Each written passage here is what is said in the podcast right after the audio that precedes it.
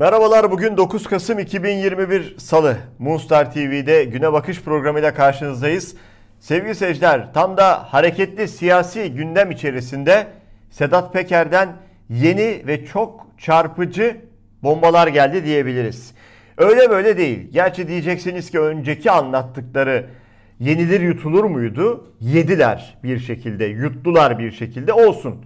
Sedat Peker ara ara bombaları patlatıyor, anlatmaya devam ediyor, ifşalara devam ediyor. Muhalefet partisi liderlerine nasıl kumpaslar kurduklarını bizzat kendisini de içine katarak. Bunlar sadece dışarıdakiler böyle böyle yaptılar değil. Ben yaptım diyor. İşte o yüzden bunların adına hem ifşa hem de itiraflar deniyor sevgili seyirciler. Önce isterseniz o Sedat Peker'in yeni açıklamalarını bir dinleyelim. Sonrasında tabii ki çok konuşacağız üzerine. İnsanın yaşı 50 olunca ruh dünyasında daha yerleşik bir düzenin oluştuğunu yaşayan bir kişi olarak hem tarihe şahitlik etmek hem de olayların içindeki asli faili olarak 29 Aralık'ta Anadolu Adliyesi'nde yargılanacağım davamla ilgili iddianameyi hazırlayan savcı Alim Yaşar ve bazı siyasilerle ilgili yaşadıklarımı sizlerle paylaşmanın doğru olacağına karar verdim.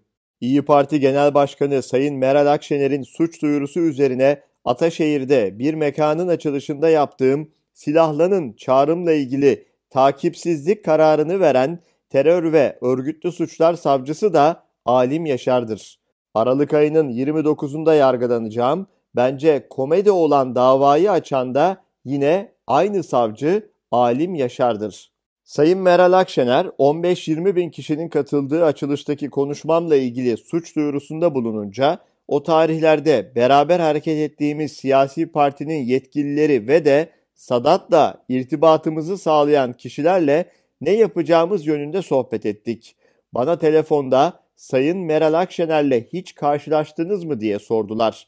Ben de kendilerine iki karşılaşmamız olduğunu söyledim. O karşılaşmalarınız zamanında sizin de isminiz geçen gündeme çıkmış bir olay var mı diye sorduklarında önce telefonu kapatıp sonra tekrar arayarak bir tanesinin barmen cinayetinin olduğu tarihlere denk geldiğini söylediğimde bazı tweetler hazırlayarak konuyu bu şekilde muallak bırakıp insanların kafasını karıştıralım dediler. İkinci karşılaşmamız da İzmit'teki bir sünnet düğünüydü. O görüşmeyle ilgili de aynı muallaklığı kullanalım dediler. O tarihlerde kullandığım telefonun HTS kayıtları çıkarılırsa ayrıca da WhatsApp yazışmaları çıkarılırsa o tweetlerin benim telefonuma hazırlanmış olarak yollandığı daha sonrasında benim hesaplarımdan paylaştığım görülecektir. Hiçbir şey saklı kalmaz diye atalarımız boşuna söylememiş. Korku iklimi yaratmak için söylemiş olduğum silahlanın çağrımdan sonra toplumda oluşan algı Sayın Akşener'le ilgili doğru olmayan paylaşımlarım neticesinde başka bir noktaya yönlenmiş oldu. O günlerde sosyal medya hesaplarımda paylaştığım videolarımı hazırlayan kişilerin AK Parti'nin videolarını da hazırlayan aynı kişiler olduğunu belirtmemin gelecek günler adına faydalı olacağına inanıyorum. Savcı Alim Yaşar tarafından ifadeye davet edildim. Davet saati çok erkendi. Erken uyanamadığımı koruma polisime söylediğim için davet ilerleyen saatlerde alındı. Ya ben işte böyle özel bir adamdım. Savcı bey, avukatım Sayın Ersan Barkın da varken ifademi aldı. Kahveler ikram etti. Keyifle geçen ifade faslından sonra savcı bey, şimdi ifade bitti. Size davetimizin bir isteğini iletiyorum. Bu başsavcımızın da bilgisindedir. Kendisinin de isteğidir dedi. Silahlanın çağrısı yaptığım açılış konuşmamdaki Sayın Kemal Kılıçdaroğlu'na söylediğim sert sözlerden dolayı rahatsız olmadıklarını, sözlerimin doğru olduğunu ancak ülkedeki tansiyonun çok yükseldiği için bir süre Kılıçdaroğlu'na sert çıkışlar yapmamamı, sonrasında istediğim gibi devam edebileceğimi söyledi. Bana o suç örgütü lideri onun sözüne mi inanacağız diyorlar ya. Yanımda avukat Ersan Barkın da vardı. Onu tanıyan herkes bilir. dünyanın en namuslu, en dürüst adamı şehit Necip Havlemitoğlu'nun yetiştirmesi. Savcı Alim Yaşar'ın şahsım hakkında verdiği takipsizlik kararını sizlerin huzurunda sorgulamak isterim. Sayın Savcı, muhalefet partisi liderinin suç duyurusu üzerine başlattığı bu önemli soruşturma ile ilgili neden polise yazı yazıp A. Bir kafeterya açılışında şehrin göbeğinde 20 bin kişi yan yana nasıl geliyor ve miting yapıyorlar? Yetkili makamlardan izin alınmış mı? B. Açılış yapılan yer minibüs yolu güzergahı. Bu sokaklar trafiğe nasıl kapatıldı? Yolların trafiğe kapatılma emrini kim verdi? C. Sonrasında mitinge dönüşen bu açılışa katılan kişilerle Sedat Peker'in ilişkisini sorguladınız mı? gibi uzatabileceğimiz hiçbir çalışma yapılmadan dosya kapatıldı. Gerçi polisi araştırma için yazı yazmaya gerek yoktu.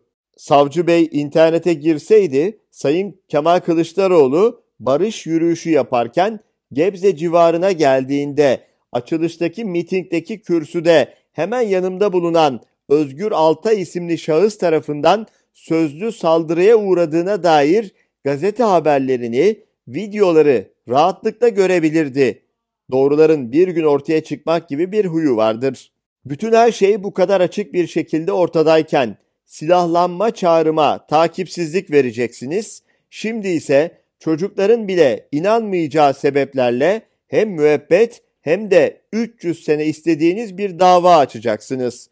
Ben aynı adamım. Neden şimdi böyle oldu? Tabii ya, videoları çektikten sonra hırsızlıkları, uğursuzlukları, uyuşturucu sevkiyatlarını, kara para aklamaları, Sadat eliyle El Nusra'ya yollanılan silahları anlattıktan sonra hiçbir delil olmadan bu davayı açacaksınız.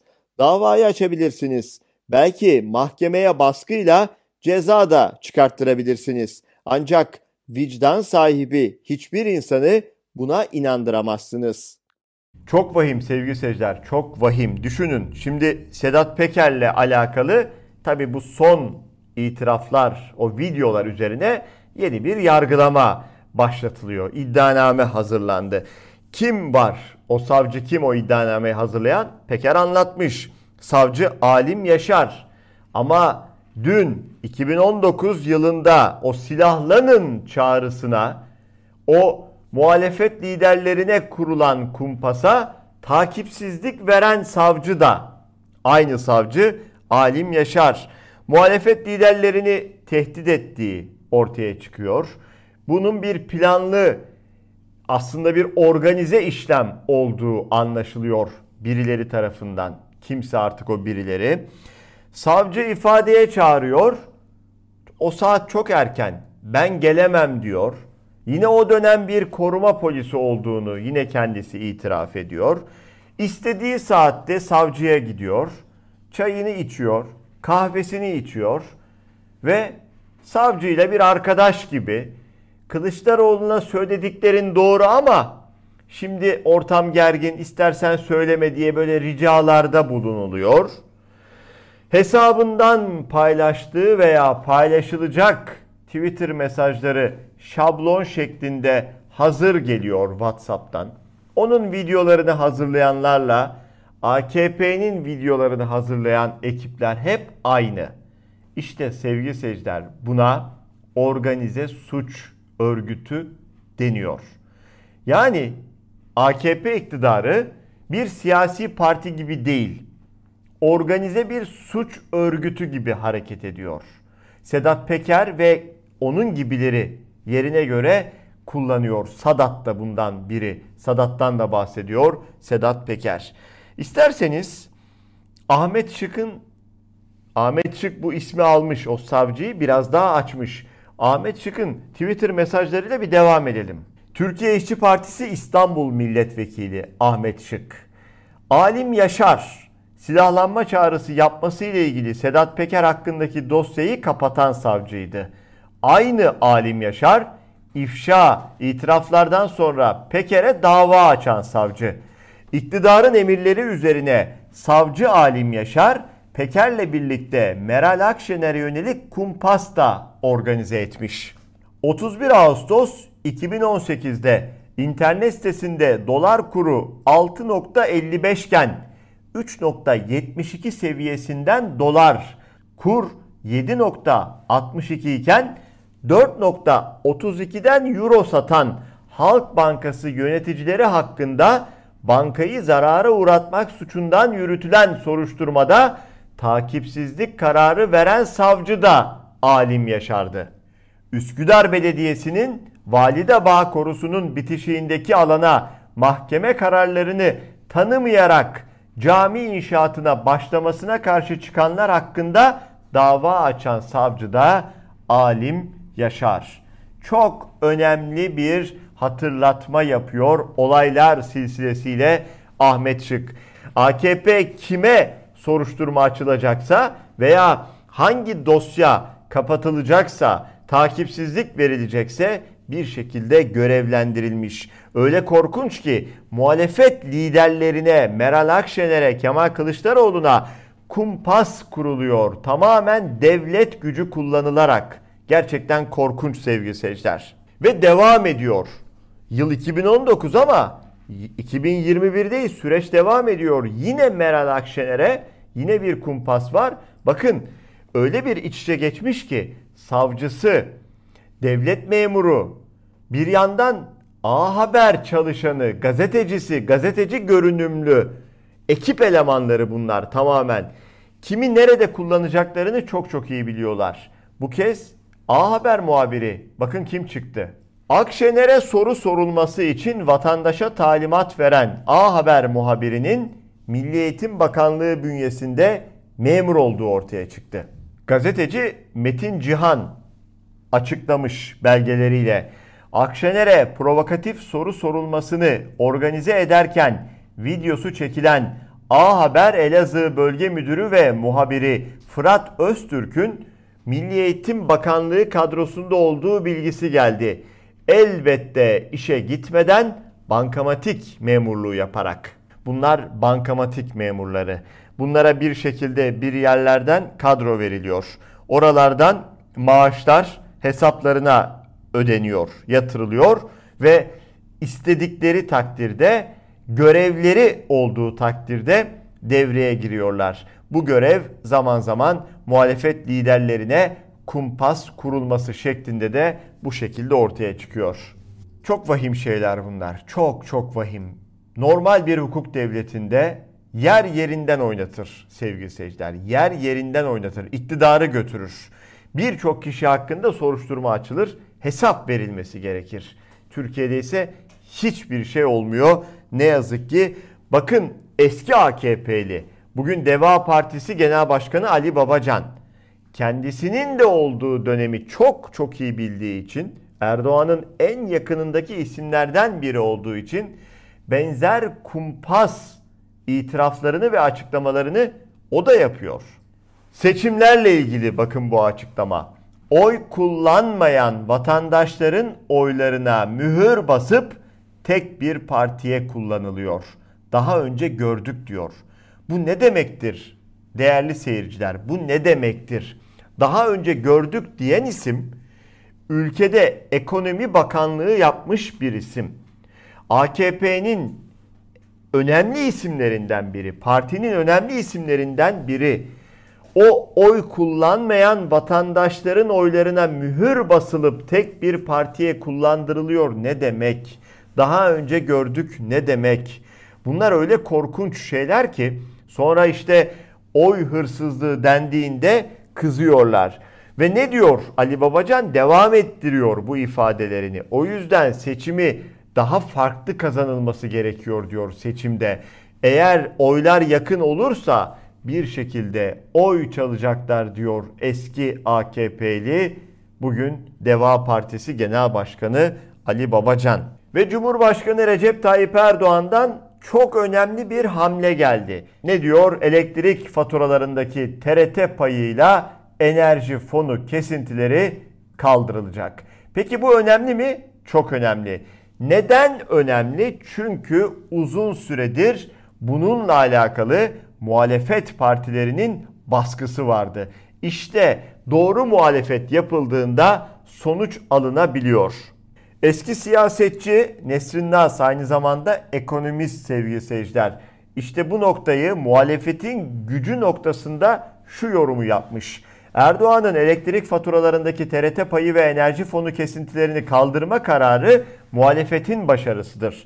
Özellikle Kılıçdaroğlu'nun ısrarla gündemde tuttuğu kara kış fonu ve halkın elektrik faturalarını hafifletme önerileri sonuç verdi. Muhalefet işte bunun için önemli.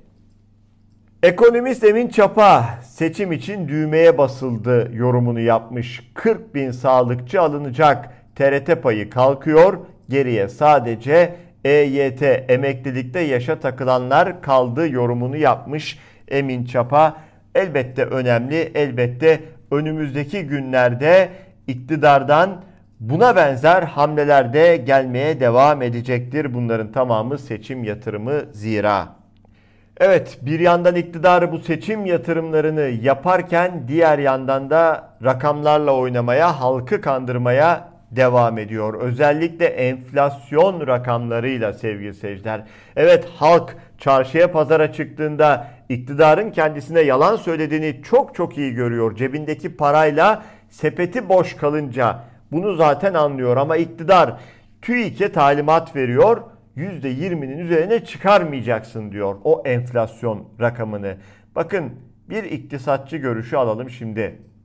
Hakan Kara yakın dönemde enflasyonu %20'nin altında tutmak için özel bir çaba gösterilmiş gibi görünüyor. Eylül-Ekim aylarında kömür fiyatı 2 ayda %72 artmış. Ancak katı yakıt endeks artışı %31'de kalmış diyor. Bakın not eklemiş. Kömür fiyatı TÜFE'de katı yakıt fiyat endeksinin temel belirleyicisidir demiş Hakan Kara ve onun grafiğini paylaşmış. İşte grafik, bu grafik kaynak neresi? TÜİK elbette ki çok net bir şekilde görülüyor. O turuncuyla e, yükselen grafik katı yakıtlar fiyat endeksi, mavi ile gösterilense kömür fiyatı. Bu duruma CHP sözcüsü Faik Öztrak'tan sert tepki geldi. TÜİK artık milletin aklıyla alay etmeyi bıraksın.